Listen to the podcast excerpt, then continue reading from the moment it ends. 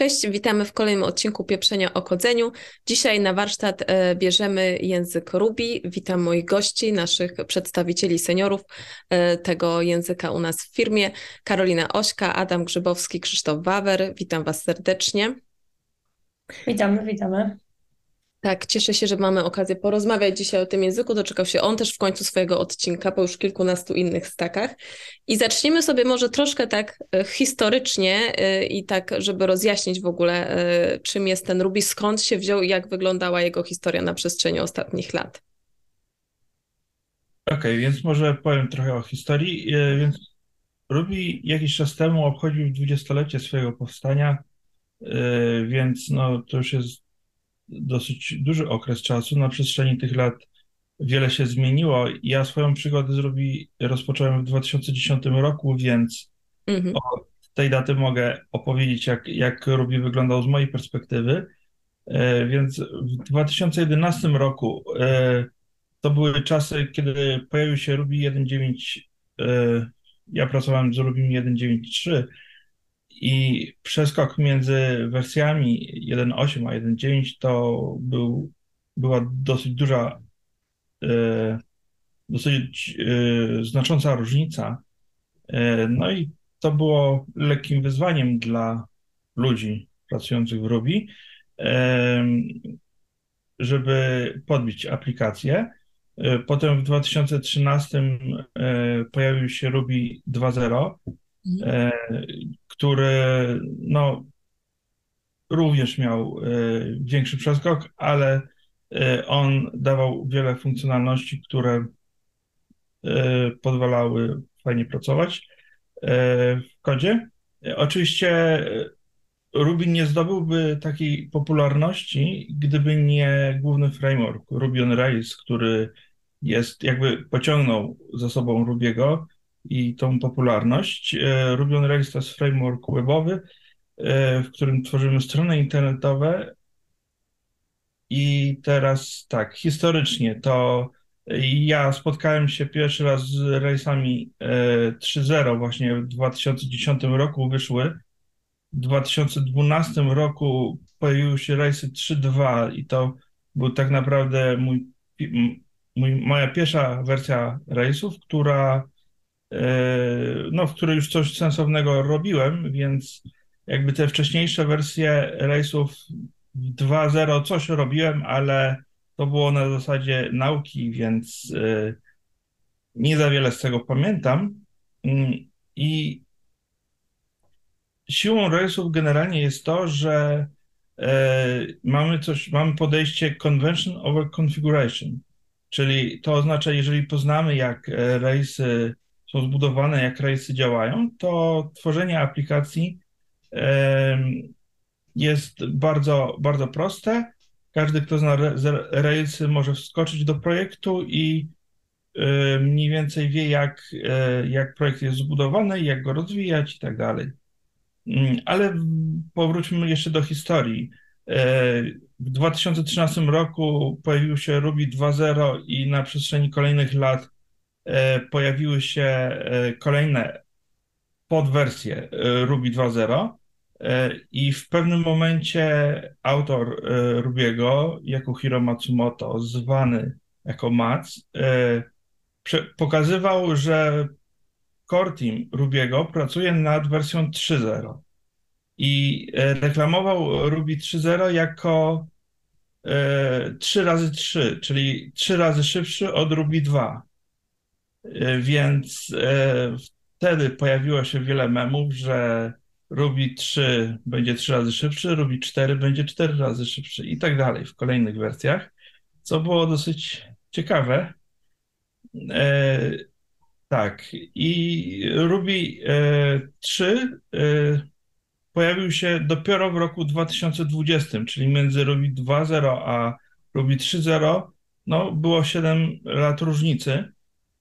E, no, na przestrzeni tego okresu Ruby 2.0 dosyć dynamicznie się rozwijał i pojawiały się nowe rzeczy e, i równocześnie e, Ruby on Rails się też dynamicznie rozwijało.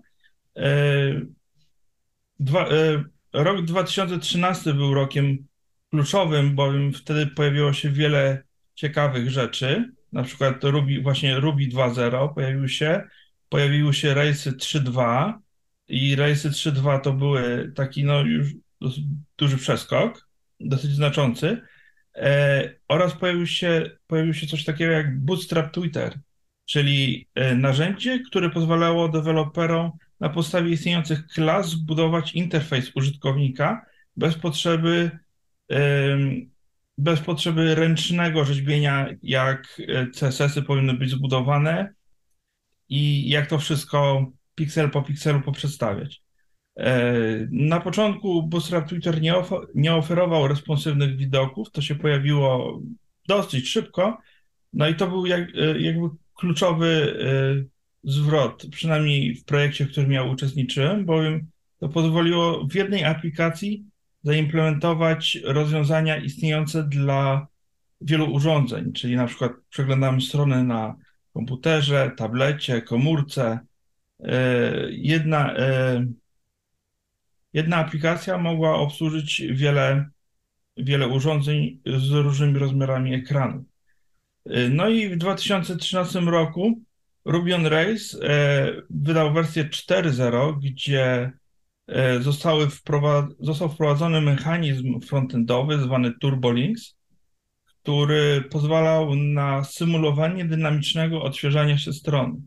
W rozwiązaniach backendowych e, zazwyczaj jest tak, że cała strona się odświeża, co zabiera czas e, i przewagą rozwiązań frontendowych było to, że cała strona nie musiała się rozwiązać. Dlatego TurboLinks były, mm, były jakby lekarstwem na, na to podejście, jednak e, wymagały one dosyć specyficznego podejścia, bo, bo jak już wspomniałem, istnieje e, convention over configuration, czyli trzeba było się nauczyć, jak to używać e, i używać w odpowiedni sposób.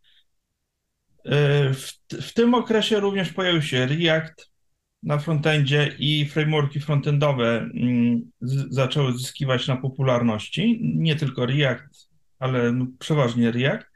E, Więc e, w 2017 roku pojawiły się rejsy 5.1, które posiadały już e, wsparcie dla mm, rozwiązań frontendowych, bowiem miały wbudowanego webpacka, który bardzo upraszczał kwestie konfiguracyjne połączenia rejsów z frameworkami frontendowymi.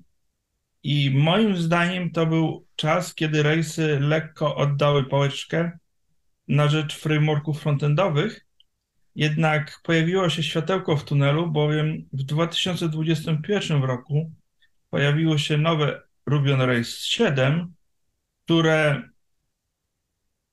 mogą konkurować z rozwiązaniami frontendowymi, dostarczając e, rozwiązanie nazwane Hotwire. Są to turbolinki na sterydach i bardzo, e, bardzo lekki framework frontendowy Stimulus.js, dzięki czemu e, cała strona nie musi się odświe- odświeżać, tylko konkretne komponenty.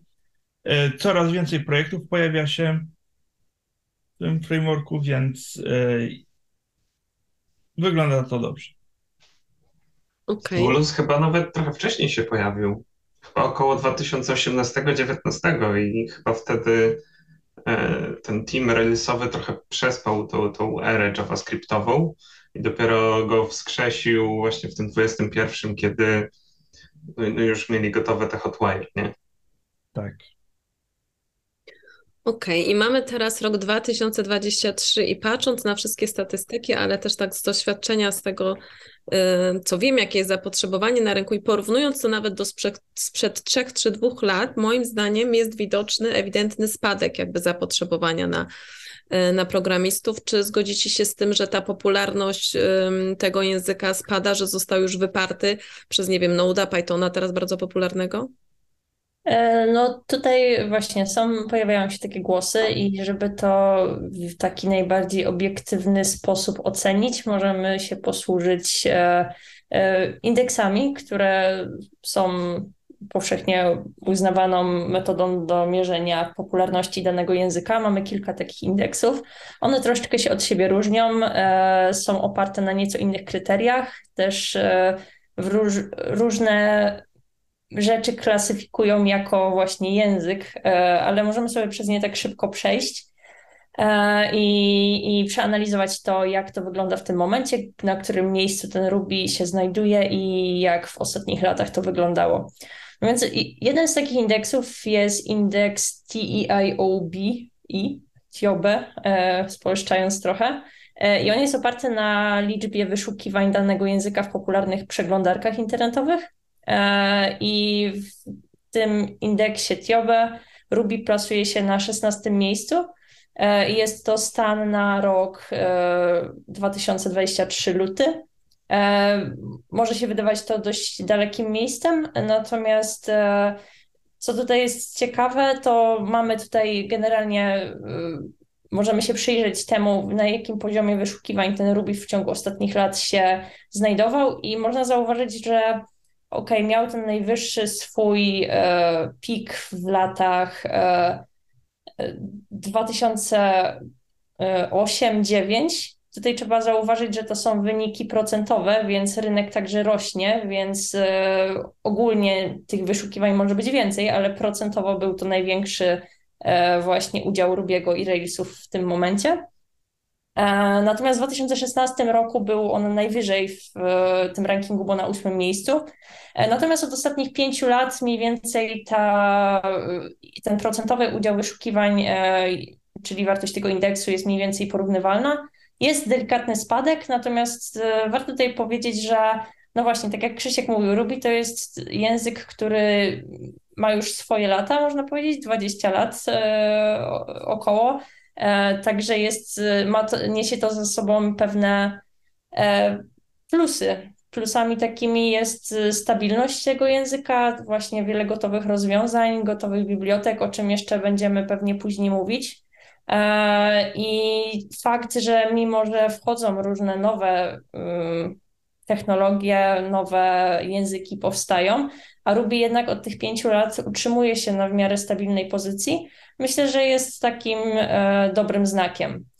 E, przechodząc do kolejnych indeksów i też właśnie w kontekście tego, kto uczy się Rubiego, mamy taki język, indeks, który nazywa się Popularity of Programming Language i on właśnie także na podstawie wyszukiwań gromadzi informacje e, na temat wyszukiwanych tutoriali i kursów, czyli tego, jakie ogólnie jest zainteresowanie danym językiem, e, zarówno wśród profesjonalnych deweloperów, którzy się dokształcają, jak i nowych, którzy chcą wejść do tego świata programistów Rubiego, czy też Railsów. No i tutaj Ruby w sumie dość podobnie. Tutaj mamy go na 15 miejscu, natomiast warto zauważyć, że jest delikatny wzrost w ostatnim czasie. Mm, ale tutaj też z kolei możemy się przyjrzeć na przykład ankiecie Stack Overflow, gdzie Ruby e, widać dość jednak wyraźną różnicę między tym, gdzie Ruby jest, jak chodzi o profesjonalnych deweloperów, i tam jest to miejsce 16, czyli powiedzmy pokrywa się to nam z tym indeksem TIOB, Natomiast wśród ludzi, którzy uczą się programować, jest to już miejsce 24. No i tutaj to nam daje troszkę do myślenia, czy przypadkiem e, to zainteresowanie Rubim w ostatnich latach troszkę faktycznie nie spada.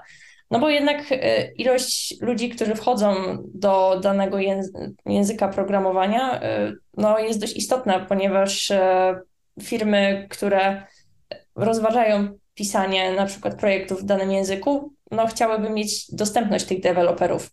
I tutaj możemy przejść do kolejnej, e, kolejnego takiego indeksu, e, czy też kolejnej metryki popularności. I to jest zapotrzebowanie na deweloperów danej technologii na rynku pracy. No i tutaj Ruby jest bardzo wysoko według, e, według Hired. Jest to najbardziej pożądana technologia na przestrzeni ostatniego roku Ruby oraz, oraz Ruby on Rails. E, no i także widzimy właśnie według statystyk Stack Overflow, jak chodzi o zarobki, też ma to swoje tutaj odzwierciedlenie, że zarobki e, programistów Ruby i Ruby on Rails e, plasują się dość wysoko, bo na piątym miejscu. Co znowu może świadczyć o tym, że na przykład troszkę nam może brakować juniorów czy też nowych ludzi napływających tutaj. No ale tak.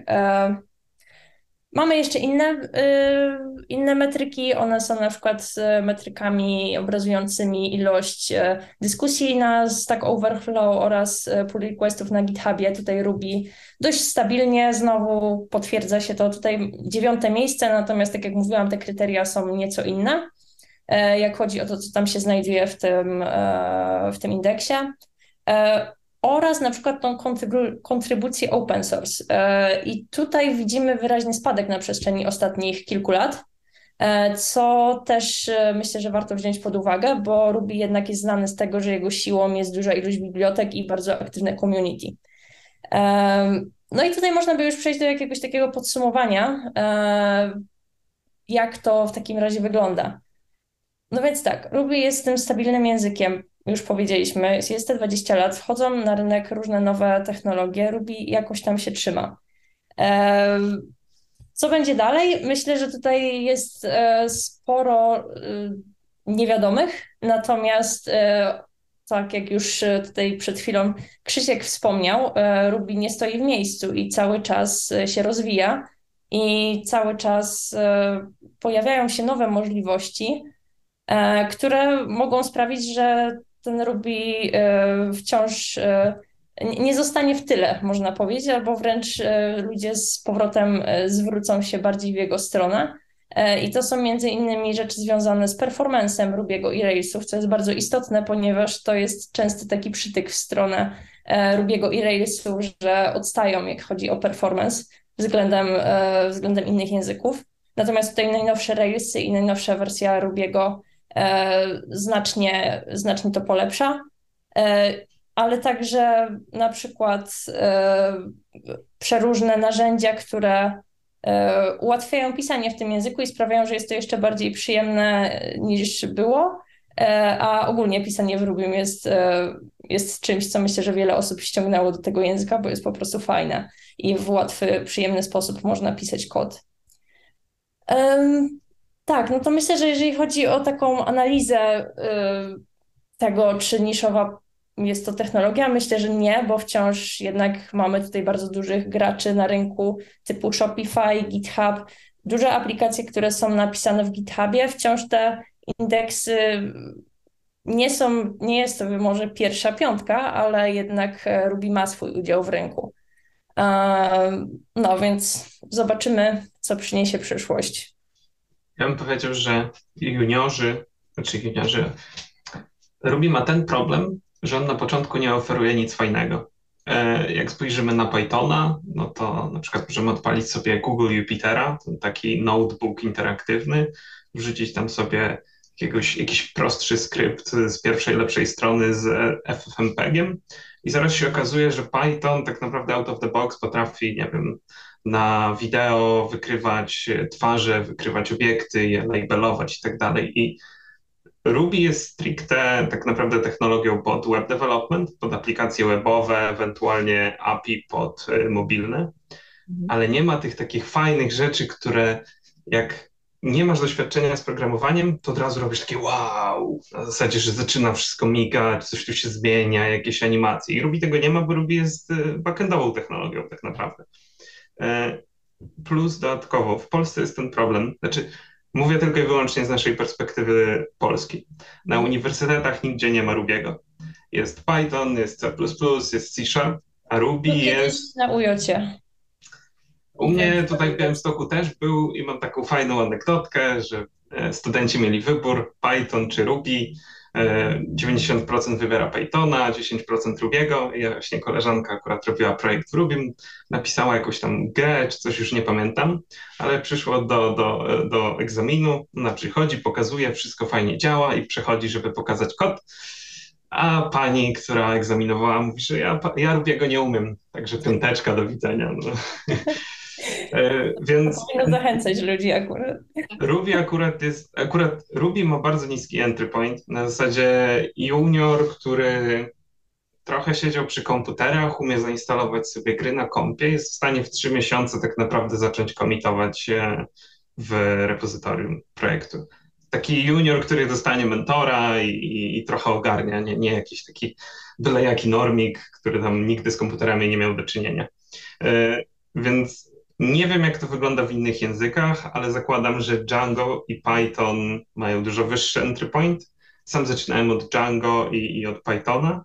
Gdzieś potem akurat Ruby się trafił, jak już zobaczyłem Rubiego, to już się zakochałem. E, więc tak, e, brakuje na pewno mentorów i ludzi chętnych uczyć e, juniorów i nie ma takiego instytucjonalnego mm, bodźca, który by tych ludzi wprowadzał jakkolwiek w ten świat Rubiego.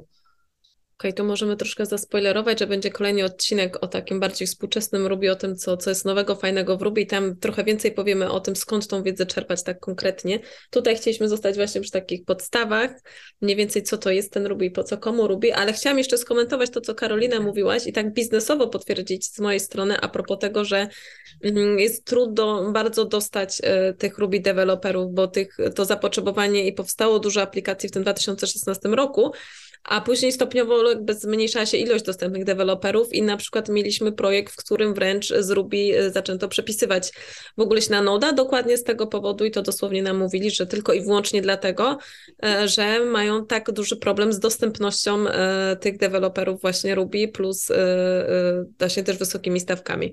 I wręcz zaczęli aplikacje przepisywać, a co to znaczy, to już każdy z nas wie, że to już desperacki i ostateczny krok. Yy, ale chciałam teraz przejść trochę do takiego e, tematu Ruby a startupy. Czy to jest w ogóle, jeżeli ktoś zakłada startup, chce wypuścić MVP, czy Ruby jest dobrym pomysłem? Jest idealnym pomysłem.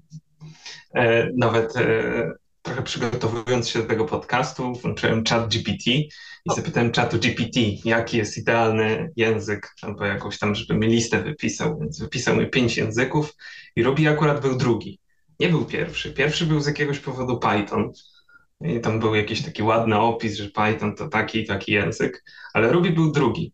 I to, co mnie tak trochę, jakby nie, nie dotknęło może, ale na co zwróciłem uwagę, to sam chat GPT zwraca uwagę na convention over configuration e, jako taką główną zaletę do budowania MVP. Czyli e, convention over, over configuration daje nam takie możliwości jak postawienie bazy danych dosłownie out of the box, czyli generujemy Railsową aplikację używając e, samej paczki Railsowej, zaznaczamy jaką chcemy bazę, dane, bazę danych, czyli MySQL, Postgres czy cokolwiek innego i wszystko leci. Wszystkie pliki są gotowe i można zacząć się bawić.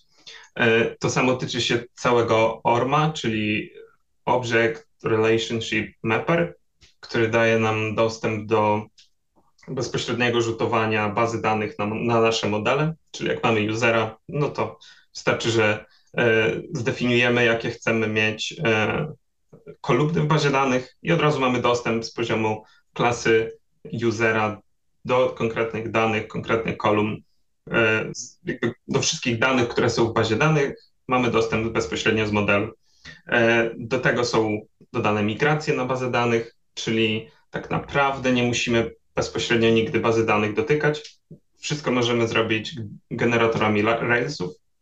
E, tak, i, i to jest właśnie ten taki podstawowy e, framework, który daje nam bardzo szybki rozwój aplikacji. E, oprócz bardzo szybkiego rozwoju możemy też robić, mamy taki e, jakby inkrementalny rozwój, czyli jak budujemy MVP, to z reguły przynajmniej ja mam takie doświadczenia, że większość ludzi myśli, że MVP to jest jakby aplikacja, która, jak to ująć? Aplikacja, która ma dużo funkcjonalności, niekoniecznie może potrzebnej dla usera e, i może być brzydka, może być taka, może nie do końca responsywna, ale ważne, że ma taką funkcjonalność, może niekoniecznie podstawową, ale jakieś takie dodatkowe. Na przykład budujemy CRM-a i zamiast skupić się na tym, żeby mieć jakieś analyticsy w CRM-ie, to dodajemy two-factor authentication dla usera, bo dbamy o bezpieczeństwo i chcemy to ładnie nazwać, że mamy już two-factor authentication, ale z perspektywy usera na początku two-factor jest kompletnie do niczego niepotrzebny.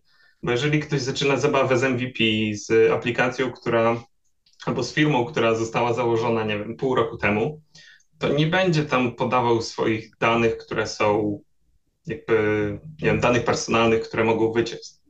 Bo MVP na początku może być podatne na niektóre y, takie nieprzyjemne ataki, jak, jak na przykład nawet SQL injection, chociaż już Railsy zabezpieczyły się od tego w 100% i ciężko jest teraz napisać aplikację, która będzie miała SQL injection. E, Do czego dążę? E, Railsy dają nam cały framework do zbudowania aplikacji webowej od A do, od, od, od A do Z i pod MVP jest to idealny model, dopóki programiści są, że tak powiem, ogarnięci. Bo już widziałem różne aplikacje, e, nawet teraz miałem okazję zobaczyć aplikacje, które były pisane może nie do końca przez takich e, programistów, którzy korzystali z e, convention over configuration. Trochę dodawali tam swojego kodu, który jest, no może nie do końca. E, Więc dopóki trzymamy się zasady convention over configuration, to nasza aplikacja może rosnąć tak naprawdę do milionów użytkowników i przykładami są GitHub czy, czy, czy jak się nazywa ta firma Bootcamp. O właśnie. E, Bootcamp czy Airbnb, oni wszyscy zaczynali od Railsów. Te, te początkowe aplikacje to były właśnie budowane na Railsach. W pewnym momencie Railsy mogą nie wyrabiać, ale dopóki są napisane dobrze, to Railsy mogą serwować spokojnie 100, dla 100 milionów użytkowników miesięcznie. Czyli to jest ten sekret, bo jednak Ruby spotyka się z taką opinią, że właśnie jeżeli jest taki szybko rozwijający się e, produkt, czy bardzo się rozwijający na dużą skalę, to te Ru- Ruby już nie jest dobrym wyborem, ale uważacie, że jednak e, tak prawidłnie prowadzony e, przez specjali- specjalistów w Ruby, jednak jest to też rozwiązanie dla właśnie dużych aplikacji, nie tylko tych małych MVP startupowych. Dokładnie tak. Widziałem Postgresy, które ważyły po 20-50 terabajtów, czyli no, duża ilość danych jak na SQL-owe bazy danych i Railsy śmigały na Heroku na średnim planie. Akurat tam to była aplikacja IoT, czyli e, ona zbierała dane z czujników, takie na przykład jak na grzejnikach się daje, żeby sprawdzała na przykład co pół roku, jakie jest zużycie wody, nie? I te czujniki akurat nie robiły tego co pół roku, tylko co ileś tam dni. I tych czujników były miliony, więc one cały czas uderzały w nasze API. I Railsy, dopóki są dobrze napisane, to potrafią sobie z tym poradzić. Najczęściej Railsy mają problem N plus 1, tak mi się wydaje. E, to znaczy nie do końca, nie do końca zrozumienie, jak działa Active Record. Czyli częste sytuacje, że programista pisał aplikację, ładował sobie jeden model, który ma wiele jakby e, relacji. I dopóki relacji było 10, to wszystko śmigało fajnie, ale w pewnym momencie relacji pojawiło się 1000 i baza danych była uderzana 1000 razy, tylko żeby załadować sobie na przykład jeden widok. I to są takie problemy, które najczęściej spotykam. E, to oczywiście można ORMem tak naprawdę w dwóch linijkach e, zamienić, czy nawet paginacji użyć. I to już naprawdę pomaga w, w apkach Railsowych i, i apki Railsowe są wtedy w stanie serwować miliony requestów nawet. Okej. E, Dotknąłeś też już tematu sztucznej inteligencji, e, więc może pozostańmy przy tym. Jest to bardzo, myślę, pociągające, e, intrygujące dla młodych programistów i wszystkich programistów. Czy Ruby w ogóle ma coś wspólnego z AI i czy jakby, jeżeli pójdzie się w Ruby, to będzie można pracować z AI, czy, czy są to zupełnie już dwie różne drogi?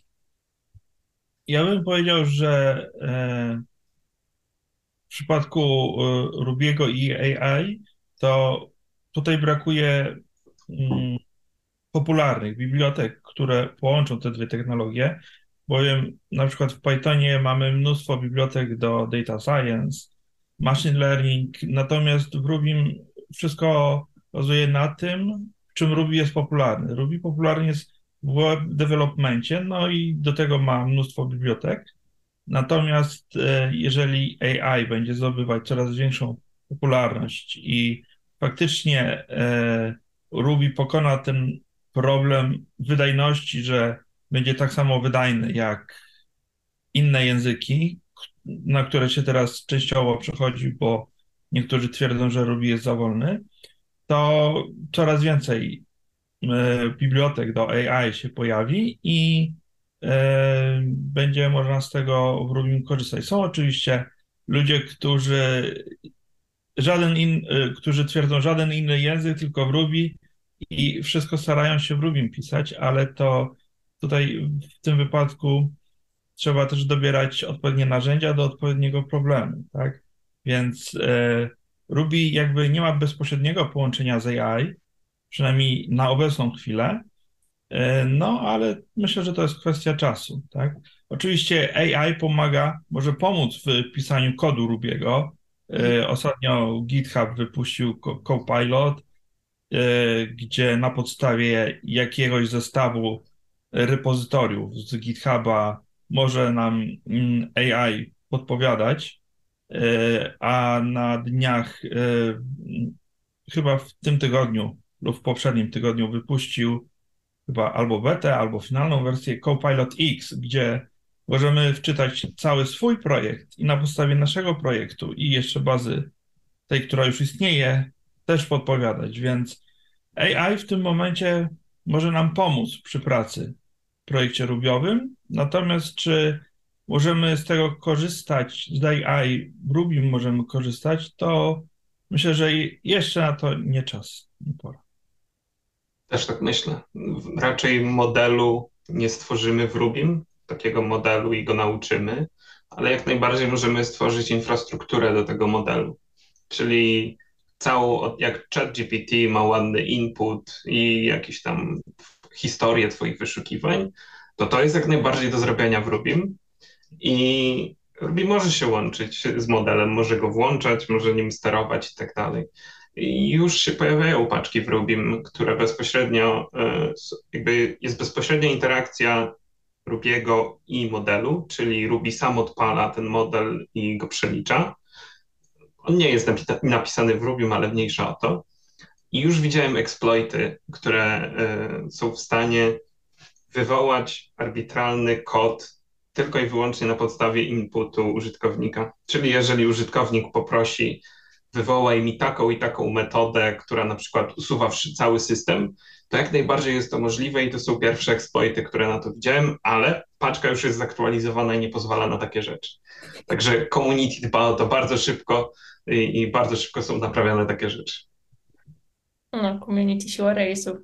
No ja tutaj myślę sobie o tym, że jeżeli są te inne języki typu Python, które już mają też takie ro- rozwinięte te rozwiązania, to też nie musimy wcale na siłę e, na siłę cisnąć w to, żeby te e, rzeczy związane z AI były pisane w Rubim, że też, prawda, aplikacja, która rośnie, e, bardzo często ma architekturę mikroserwisową i nic nie stoi na przeszkodzie, żeby jakiś mikroserwis był na przykład na Pythonie, prawda, który akurat ogarnia to AI, a Railsy wykorzystać po prostu w tym, w czym są najlepsze.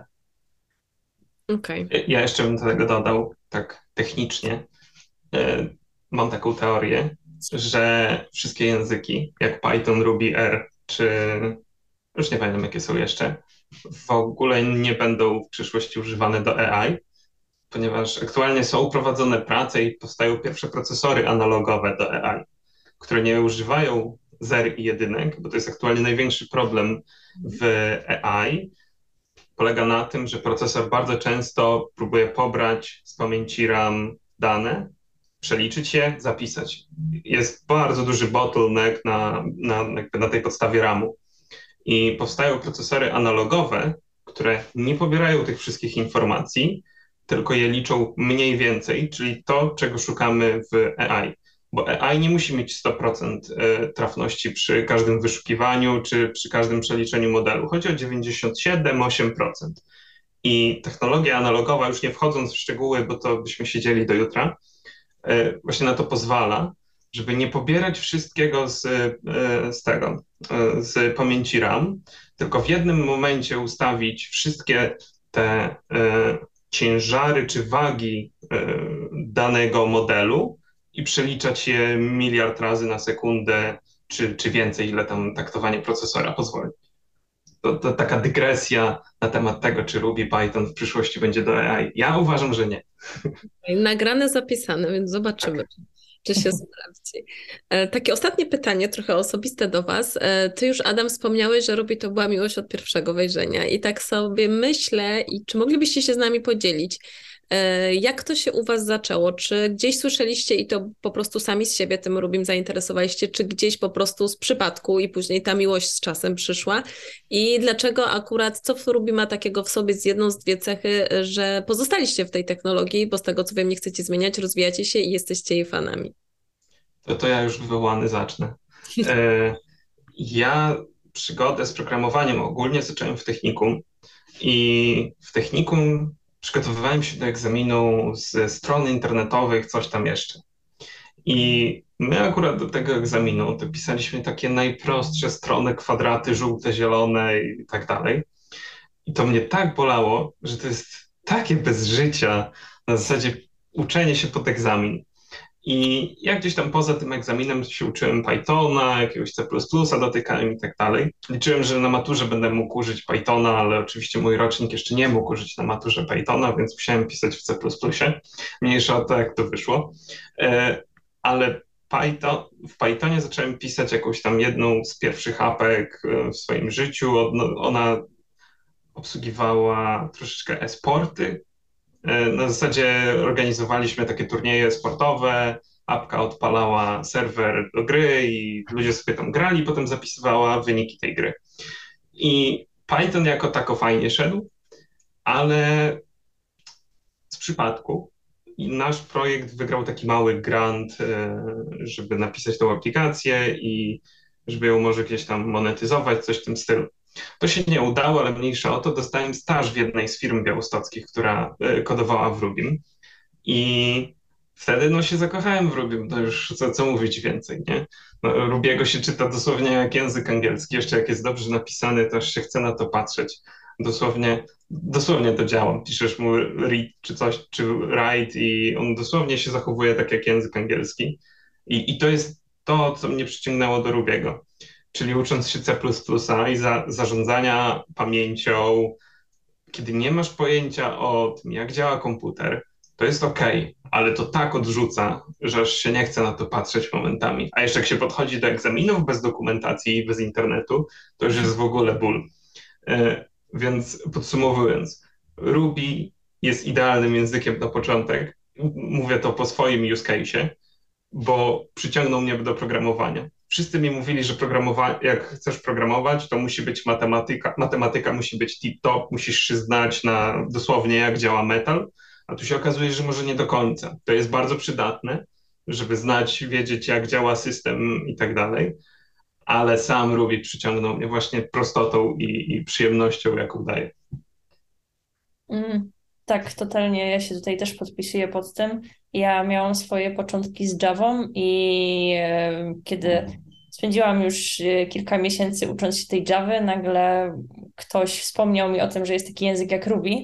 E, No i tak z ciekawości sobie, sobie sprawdziłam i nagle się okazało, że w tym Ruby można to samo napisać ładniej, szybciej, jest to właśnie czytelne dużo bardziej e, i po prostu pisanie kodu w ten sposób pozwala więcej czasu poświęcić na zapoznawanie się z jakimiś głębszymi zawiłościami tego języka i frameworka, niż po prostu na przykład uczeniem się jakichś tam składni. E, czyta się to właśnie jak język angielski. E, jeżeli kod jest dobrze napisany, to można po prostu otworzyć jakiś plik y, typu jakiś serwis i linijka po linijce przeczytać sobie po prostu, co ten serwis robi. E, I no, mi się bardzo spodobała ta koncepcja e, i no i, i, i w sumie nie wyobrażam sobie w tym momencie, żeby, nie wiem, na przykład wr- wrócić do tego, żeby uczyć się pisać programowania w, w Javie, bo po prostu jak to e, się mówi, człowiek bardzo szybko przyzwyczaja się do pewnego komfortu, E, i z niego raczej trudno jest zrezygnować. Także e, myślę, że ktokolwiek e, zasmakuje pisania w Rubim, to łatwo z tego nie zrezygnuje. Tak, w moim przypadku ja Rubiego poznałem trakcie studiów. Oczywiście na mojej uczelni e, Ruby nie był nauczany w ramach przedmiotów, e, ale mieliśmy taki przedmiot e, projekt grupowy, gdzie po prostu trzeba było wybrać jakiś projekt i wybraliśmy projekt związany z rozwojem aplikacji napisanej w Ruby. Oczywiście e, próbowaliśmy ją przepisać najpierw na PHP, bo to go każdy znał, ale e, opiekun tego projektu był nieugięty i e, znalazł mnóstwo argumentów, czemu powinniśmy zostać przy Rubim. No i właśnie tak jakby zostałem przy Rubim, a potem stwierdziłem po roku, że no jeżeli już wszedłem w ten Ruby i e, są jakieś oferty pracy w sumie lepiej płatne niż w PHP, to warto w tym kierunku iść i właśnie dzięki tej prostocie Ruby mnie bardzo urzekł. No i tak już zostało. Okej, myślę, że gdybym e, była początkującym programistą bądź studentem, to, to poszłabym teraz w Ruby e, po tym odcinku. Także Zapraszamy. Nie wiem, czy nie jest za późno, no ale może, może nigdy nie jest za późno. E, Bardzo Wam dziękuję za czas i za to przybliżenie nam e, tego, czym jest Ruby i, i, i- jak powstał, kiedy powstał. E, Tak jak już wcześniej mówiłam, tych, którzy już w Ruby pracują i chcą się dowiedzieć czegoś nowego, co najnowsze, jakie najnowsze techniki i narzędzia Ruby nam może teraz zaoferować, to zapraszamy już z góry na kolejny odcinek. A na dzisiaj bardzo Wam dziękuję. Ewa Dusza, do usłyszenia.